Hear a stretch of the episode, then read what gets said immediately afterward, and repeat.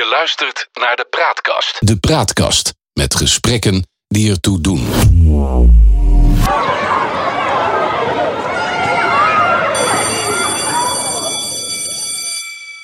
Hartelijk welkom bij het tweede gedeelte van Eigenwijs over opvoeden en onderwijs met Andrea Schimmer en eh, Herman Dreef.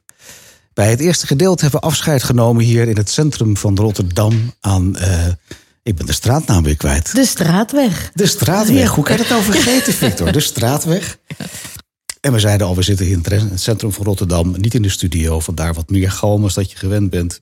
En een iets andere geluidskwaliteit. Maar dat maakt het niet minder leuk. Want we gingen net even eruit. We hadden het over veiligheid bij deel 1. En eh, daar kwam Andrea met de opmerking van... eh, ja, maar het is ook niet goed om kinderen al zo jong een eigen, eigen keuze te geven. Zeg ik het goed? Ja. Ja. Nou ja. Nou, ligt dat maar eens toe. Ja, ik, ik denk dat. ehm we, hebben- we hebben het ook eerder gehad over eh, moeilijke situaties als scheidingen en dergelijke. En ik weet dat kinderen ehm, eh, mo- de mogelijkheid hebben op 12-jarige leeftijd een keuze aan te geven bij een kinderrechter of een, eh, een bijzonder curator eh, om te melden of zij wel of niet bij vader of moeder zouden willen Ja. verblijven. En ehm, nou denk ik dat het altijd belangrijk is om een kind te horen. Maar ik denk dat er vooral duidelijkheid bij ouders vandaan moet komen. Zeker in die leeftijdsfase. Eh, eh, bedenken de ouders het plan. Ja. En bieden het kind veiligheid door zich daaraan te houden. Maar denk ik dat het niet belangrijk is. Dat, of ja, nee, het, het mag niet zo zijn dat de kinderen leidend zijn in de keuze die zij maken. Leidend met een korte ei in dit geval. Mhm. Ja, oké. Ehm, het, het is allemaal wat, wat negatieve benadering. En daar hadden we het net bij de pauze ook al een beetje over, Herman. Ehm, als we het hebben vanuit het aspect veiligheid. Ik krijg bijna een kind, bij wijze van spreken. Wat, wat, wat kunnen we dan ook voor leuke dingen verzinnen? Hmm. Hmm. we hebben het alleen maar over problemen gehad. En, en ik, nou ja. Ah nee, we zien Als ik dit zo hoor, ook Herman het nu die gaat ook stralen. Weet je, als we allemaal terugdenken aan. Als ik het eerste gedeelte van eigen wijs heb gehoord, dan denk ik, nou, ik wil helemaal geen kinderen, man. Stop ermee. Ah, Doe het niet. Nee, maar het is juist het, het leuke dat, dat een kind maakt iets, heel, iets in jou los wat, wat andere mensen toch niet zo goed lukt. Een kind is zo onbevangen en zeker zo'n, ja, als je vader of moeder bent en je hebt, je hebt inderdaad zo'n klein uk eh, wat je ineens, die, die zit heel verwachtingsvol aan zit te kijken. Ja. Dan geeft dat wel een bepaald, eh, bepaald gevoel. En dat, ja, Het gevoel van dat dat kind afhankelijk is van je. Nee, Ja. nee. Ja, Zo'n is speciaal wel een- gevoel van binnen, maar ze zijn gewoon afhankelijk van je. Is net als bij puppies. Nee, maar je kunt, op, eh, je- je kunt daar op verschillende manieren naar kijken. Ehm, ik denk dat gewoon kijken wat het kind gaat doen, wat in feite gewoon zijn eigen, zijn eigen weg wil gaan. En om daar een na structuur en duidelijkheid, want ik ben het wel met, eh, met André eens dat je eh, heel nadrukkelijk kinderen moet helpen in, in kaders en structuren. En vrije opvoeding is niet overal een succes geworden, laat het maar zo zeggen. Dus het helpt om de kinderstructuur. Maar daarbinnen is het heerlijk om te zien hoe dat kind zegt zijn eigen weg volgt. En daar kan je echt heel erg van genieten. En Maar mag ik dan jullie samenvatten dat je eigenlijk stelt van eh, je moet wel vaste kaders hebben waar, waarbinnen die kinderen zich kunnen ontwikkelen, ongeacht welke leeftijdsklasse we het over hebben. Ja, Maar dat ze binnen die vaststaande kaders nog wel een eigen ont- ontwikkeling hebben. Dat ze zichzelf als persoonlijkheid mogen ontwikkelen. Mag ik het zo zeggen? nou ja, maar, maar nee, het is essentieel dat ze een eigen ontwikkeling hebben. En daarvoor moet je kaders aanbieden. Ehm, noem een voorbeeld. Ik moet denken aan vrijheid in gebondenheid. Ja, of vind ik zo'n prachtige kreet. Ja, vind ik ook geweldig. Heerlijk. Dit Weet ook je, bent er als ouders om inderdaad de, de, de vangrail te zijn, de Ja. vluchtheuvel te bieden, maar wel het, eh, de weg eromheen, nou ja, eh, eh, in de gaten te houden die beide kanten op kan gaan. Mhm. En dat is lang niet altijd de kant zoals je zelf bedacht had. Meestal niet. Er zit zo'n dat op je is- gezicht. Dat is- van, nou, Ja, dat, is, dat, is, dat is wel een uitdaging. ja. Herman, wat vind jij? Ja, ik zat even te denken aan, aan, aan een voorbeeld waarin. Kijk, bijvoorbeeld bij kinderen, dat is zo'n pedagogisch grapje. eh, je moet een kind van vier niet zeggen. zullen we je jas aandoen? Want dan kan je ja of nee zeggen. Dus dan is het, we doen jas aan en we gaan naar buiten. Ja. Dan is het gewoon duidelijk. Dus op het moment dat je een kind keuzes ma- geeft, dan kan het heel verwarrend zijn. Zeker als dat eigenlijk voor jou geen keuze is. Ja. En daar zit een beetje het spel van eh, wat is helder. En Ja. we gaan eten, we gaan dat doen. Nou, er zitten een aantal dingen. Maar dat daar zelf een stuk eigenheid in zit. Mhm. En ja, daar moet je zeg maar voor openstaan als ouders, denk ik. En dat is misschien wel het lastigste. Tenminste, ik ben ook voetbaltrainer geweest. En als je dan langs het veld ziet hoe ouders denk, hun kruifje en hun, hun perceptie aan het eh, vertalen zijn naar het kind gewoon lekker aan het ballen is. Ja. Dat zijn wel voorbeelden waar je ziet dat ouders minder kijken naar het kind, maar eigenlijk ja, een beetje een verlengstuk van hun eigen leven aan het, Ja. aan het spiegelen zijn op het kind. Dan kan het onveilig worden. Dan kan het inderdaad. eh, Daar had je het ook in de, in de eerste aflevering al over. Hè? Want dat was eigenlijk dat jij iets zei in de vorm van, van dat kinderen zichzelf moesten zijn. En, en niet eh, moesten voldoen aan, aan het idee wat die ouders hebben. Zeg ik het goed? Of, bedoelde je wat anders in aflevering 1? Nee, ik denk dat je daar. Dat klopt, ja. Ik denk dat ze moeten Ja. helpen om, om dat kind. Kijk, ze bieden ouders, ouders bieden kinderen heel veel mogelijkheden als het goed is. Mhm. Maar laat ze eerst proberen er zelf mee uit de voeten te komen. En zorg dat je die ruimte weer biedt in nou, die gebondenheid die je net hoort. Zorg dat het.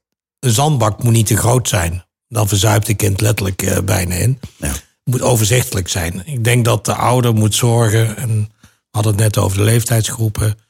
Hoe kleiner het kind is, eh, die heeft niet voor niks een box. Die moet je niet door heel de kamer. Sommige me- mensen gebruiken de box omdat het kind dan even rustig zit en zij zelf andere dingen kunnen doen. Ook heel praktisch.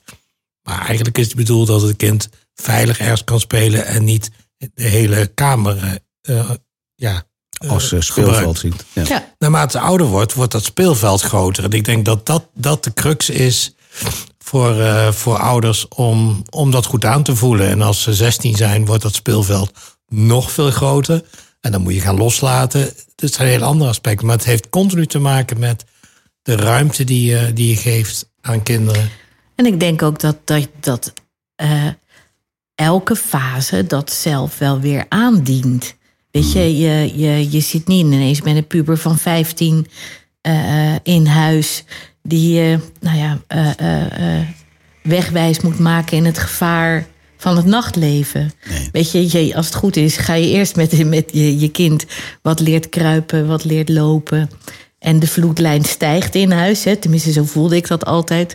De vloedlijn stijgt. Ja. Wat bedoel je daar? Nou ja, je, je, je, Spul eerst- steeds hoger. ja, alle spullen die, die eerst zeg maar buiten eh, eh, het raakvlak van het speelveld op nou ja, het, het speelkleedje op de grond lagen. Ja. Dat leg je even wat hoger. Maar ja, daarna kunnen de kinderen gaan staan. Dat bedoel je ermee. Oké. En eh, daarmee bedoelen, of dat bedoel ik met de vloedlijn in huis. Dus op een Is, gegeven het op dit moment bij jou niet omgekeerd? dat alles voor het gemak weer op de grond moet liggen.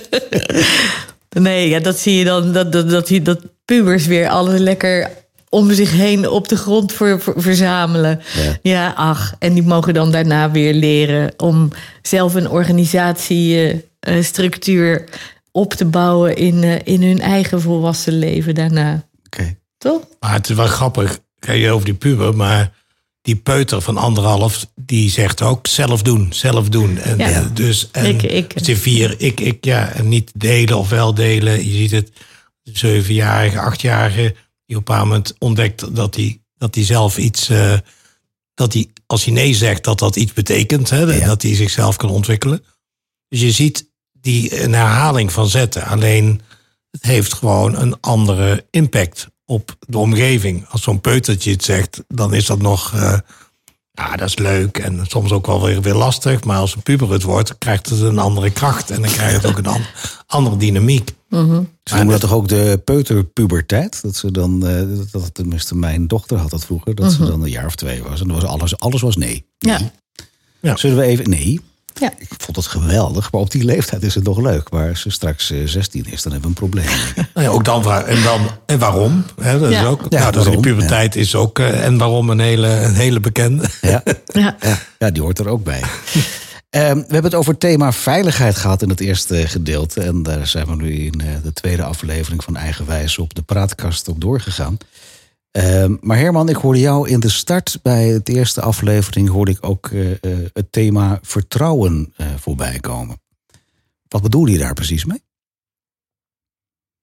Ehm, het vertrouwen is denk ik dat je het kind accepteert in zijn kwaliteiten zoals hij daar is. En dat kind dat ook zo ervaart. Ja. Dus ik denk dat het heel belangrijk is dat. We hadden het over die sensoren die perfect afgesteld zijn als het kind, in de, als een kind het in de, in de gaten heeft dat ouders niet uh, helemaal blij zijn of niet helemaal tevreden zijn met de resultaten, Ja. dan heeft dat effect op de resultaten. En die veiligheid, dus het gewoon onvoorwaardelijk geloof hebben in je kind en hem daarin steunen, al doet hij iets wat jij nog niet begrijpt, laat ik het maar zo zeggen. Of later weer niet gaat begrijpen als het een puber is? Nee, maar ik zeg ook wel eens, eh, dat heeft, ja, dat, ik noem dat dan in gesprek blijven met het kind. Hè? Gewoon, je blijft in gesprek.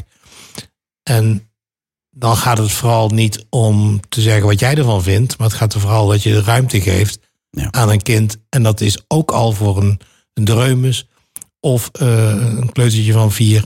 Die kun je al daadwerkelijk de ruimte geven.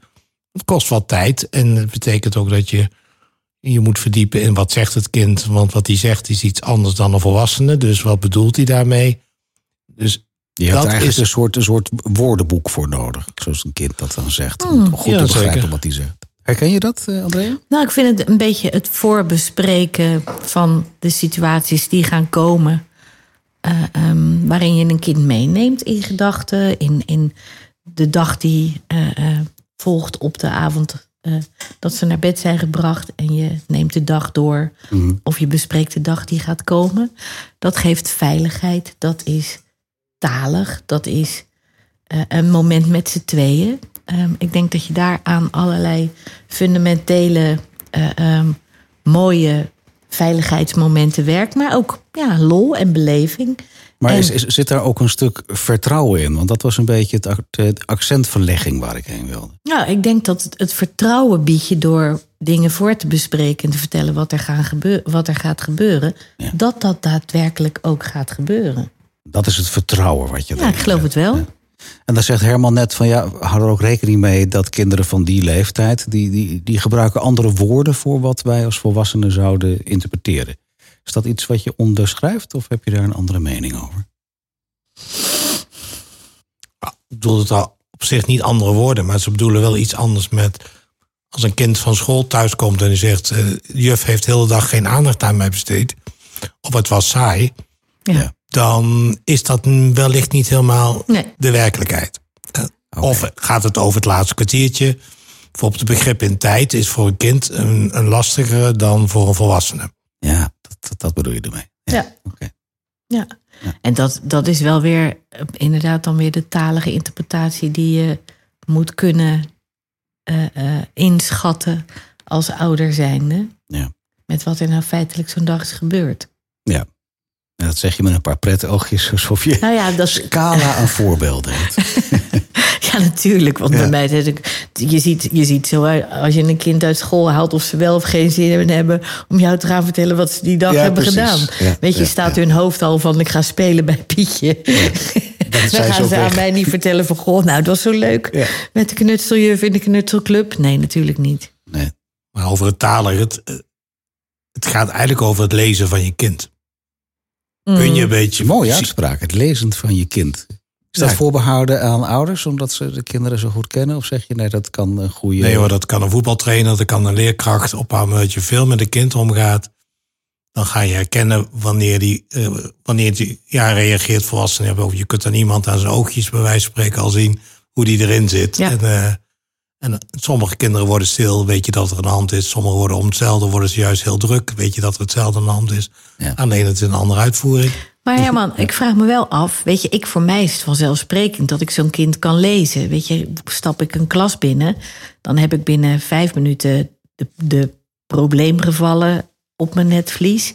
Eh, eh, de kinderen met veel mogelijkheden. Weet je, je hebt allemaal al wel een beetje eh, voorbedacht beeld. Uit ervaring opgebouwd. Ehm, maar ik heb geen idee of iedereen dat kan. Ik kan dat. Maar ehm, als ik denk aan een kok, die zal dat hebben met zijn ingrediënten. In wat hij maakt, in wat erbij moet, in eh, eh, nou ja, gerechten.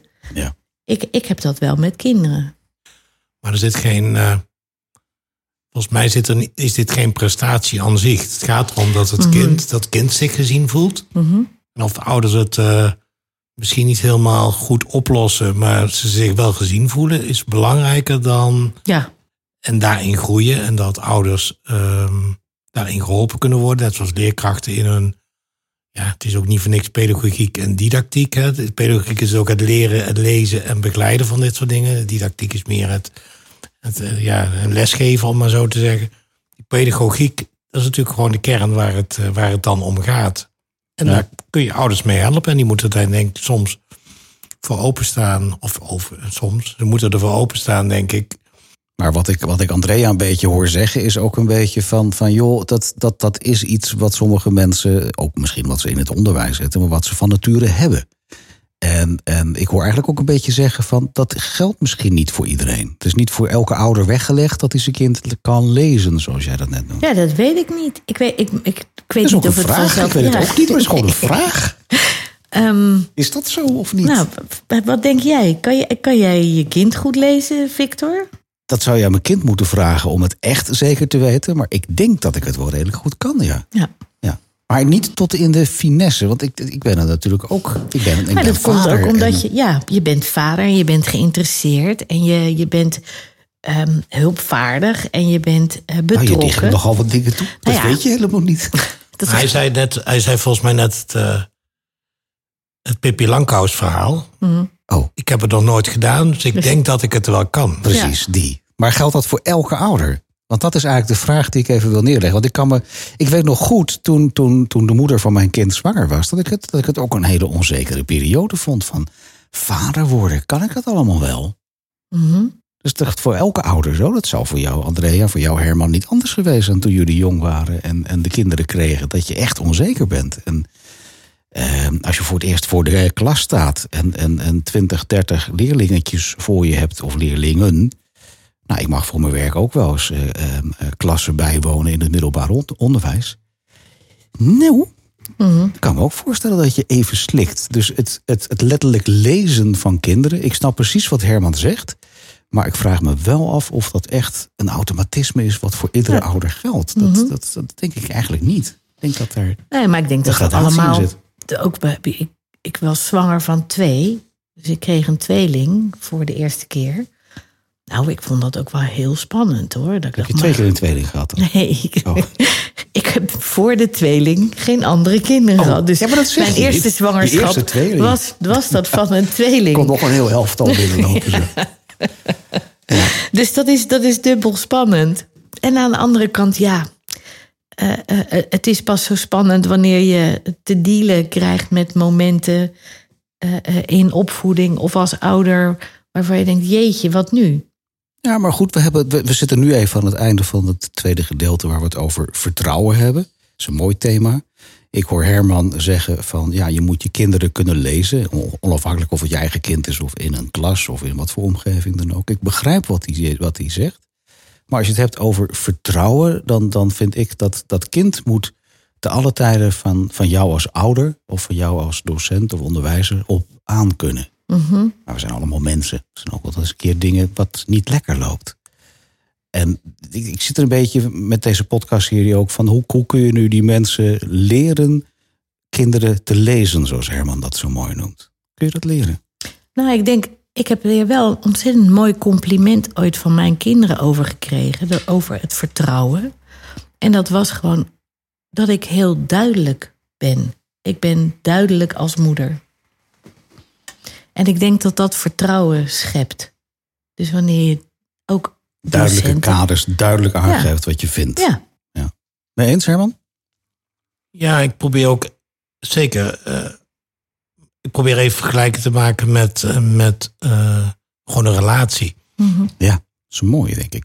Want eigenlijk is het ook op het moment dat je een relatie krijgt, ga je ook samen kijken en ga je elkaar ook proberen te lezen. ja. Enige verschil met een kind is dat het aan jou toevertrouwd is. Uh, we zullen deze tijd niet over gezagsverhoudingen praten, maar je hebt gewoon een verantwoording voor dat kind. Ja. Uh, en de wijze waarop je dat invult, ja, dat, dat is net zoals in een relatie, dat is niet universeel. De ene, die ene, ja, sommige mensen zijn wel meer blauw, zijn meer van de regeltjes, anderen zijn meer van, van andere dingen. Dus dat zal je ook in de opvoeding terugvinden. Ja. Het kind is ook vaak een adept, zit een deel van, van jouw uh, gedrag, zit ook, vind je ook alweer terug bij de kinderen. Um, dat is op zich niet zo, uh, zo erg. Mm. Het gaat erom dat je daarmee samen een weg gaat. En, en ik denk dat het kind mag vertrouwen. Het is ook niet voor niks uh, oudergezag. En, en je hebt die verantwoording. En alle ouders, denk ik, starten met de beste bedoelingen om dat kwetsbare uh, leventje, zeg maar, te helpen en te ondersteunen. Ja. Het is alleen de vraag: kunnen ze het? Uh, wanneer lopen ze vast? Wat is dan het gedrag? En in deze tijd is, is de vang, uh, ja, het vangnet of de vluchtheuvel wat minder groot. Vroeger uh, deed je het zoals je vader en moeder deden. Denominatie, die bepaalde een beetje waar je heen ging. Als, die, als je naar een katholieke school ging, dan ja. was het allemaal duidelijk. Ja. En dat ging allemaal op dezelfde manier. Zeg je dan ook dat de mensen en dus ook kinderen te veel keuzes hebben in deze tijd? Nou, ik denk dat ouders, uh, zoals Wim Zonneveld wel zei, al af en toe wel een beetje stakkers zijn die in duister tasten. Omdat ze zelf die weg aan het zoeken zijn. En tegelijkertijd ook wel um, ja, het beeld van prins en prinsesjes, dat ze het ook perfect willen doen voor de, voor de kinderen. Ja. Waardoor je misschien meer op de prestatiekant zit dan op de, uh, de warmtekant. Op, uh, op wat heeft het kind echt nodig. Die, die hoeft niet. Uh, drie sporten, twee muziekinstrumenten. Daar wordt het kind in principe niet gelukkiger van. Papa en mama wel, denk je? Nou, soms, soms vertaalt dat zich in. Ik denk dat die ouders met de beste bedoelingen dat het kind gunnen. Ja. Of het kind daarmee het best geholpen is, dat is de vraag. En dat is denk ik waar je verschillen ziet. En uh, dat zit niet in rijkdom. Een kind uh, met rijke ouders kan heel erg sociaal verwaarloosd zijn. Terwijl een kind in een, in een arbeiderswijk waar ze met z'n uh, vier op een slaapkamer zitten, verder een hele goede, hele goede jeugd ja. hebben. Ja. Dus dat, ja. het zit niet in dat soort dingen. Oké. Okay. Leuk, zo aan het einde van uh, de tweede aflevering van Eigenwijs over uh, opvoeden en onderwijs. We hebben het gehad over veiligheid in het eerste gedeelte en een overloop naar het tweede gedeelte was dat we het hadden over de, de eigen keuzes die, die kinderen hebben en ook eigen keuzes die ze mogen maken. We hebben het gehad over vertrouwen. En uh, ik vond ook een hele mooie die jullie maken. En die gaan we zo meteen in deel 3 maar gelijk pakken. Want dat is allemaal onder de basis van welke basisomstandigheden zijn er nu eigenlijk belangrijk voor de ontwikkeling van het kind. En zo zie je maar, we zijn zo weer kilometers verder. Maar zometeen in deel 3 gaan we het hebben over nieuwsgierig. Dat was jouw thema, geloof ik, André. Mm, ja. ja, ja. mag jij zo meteen openen. Leuk hoor. Tot de volgende keer. Dank je de praatkast.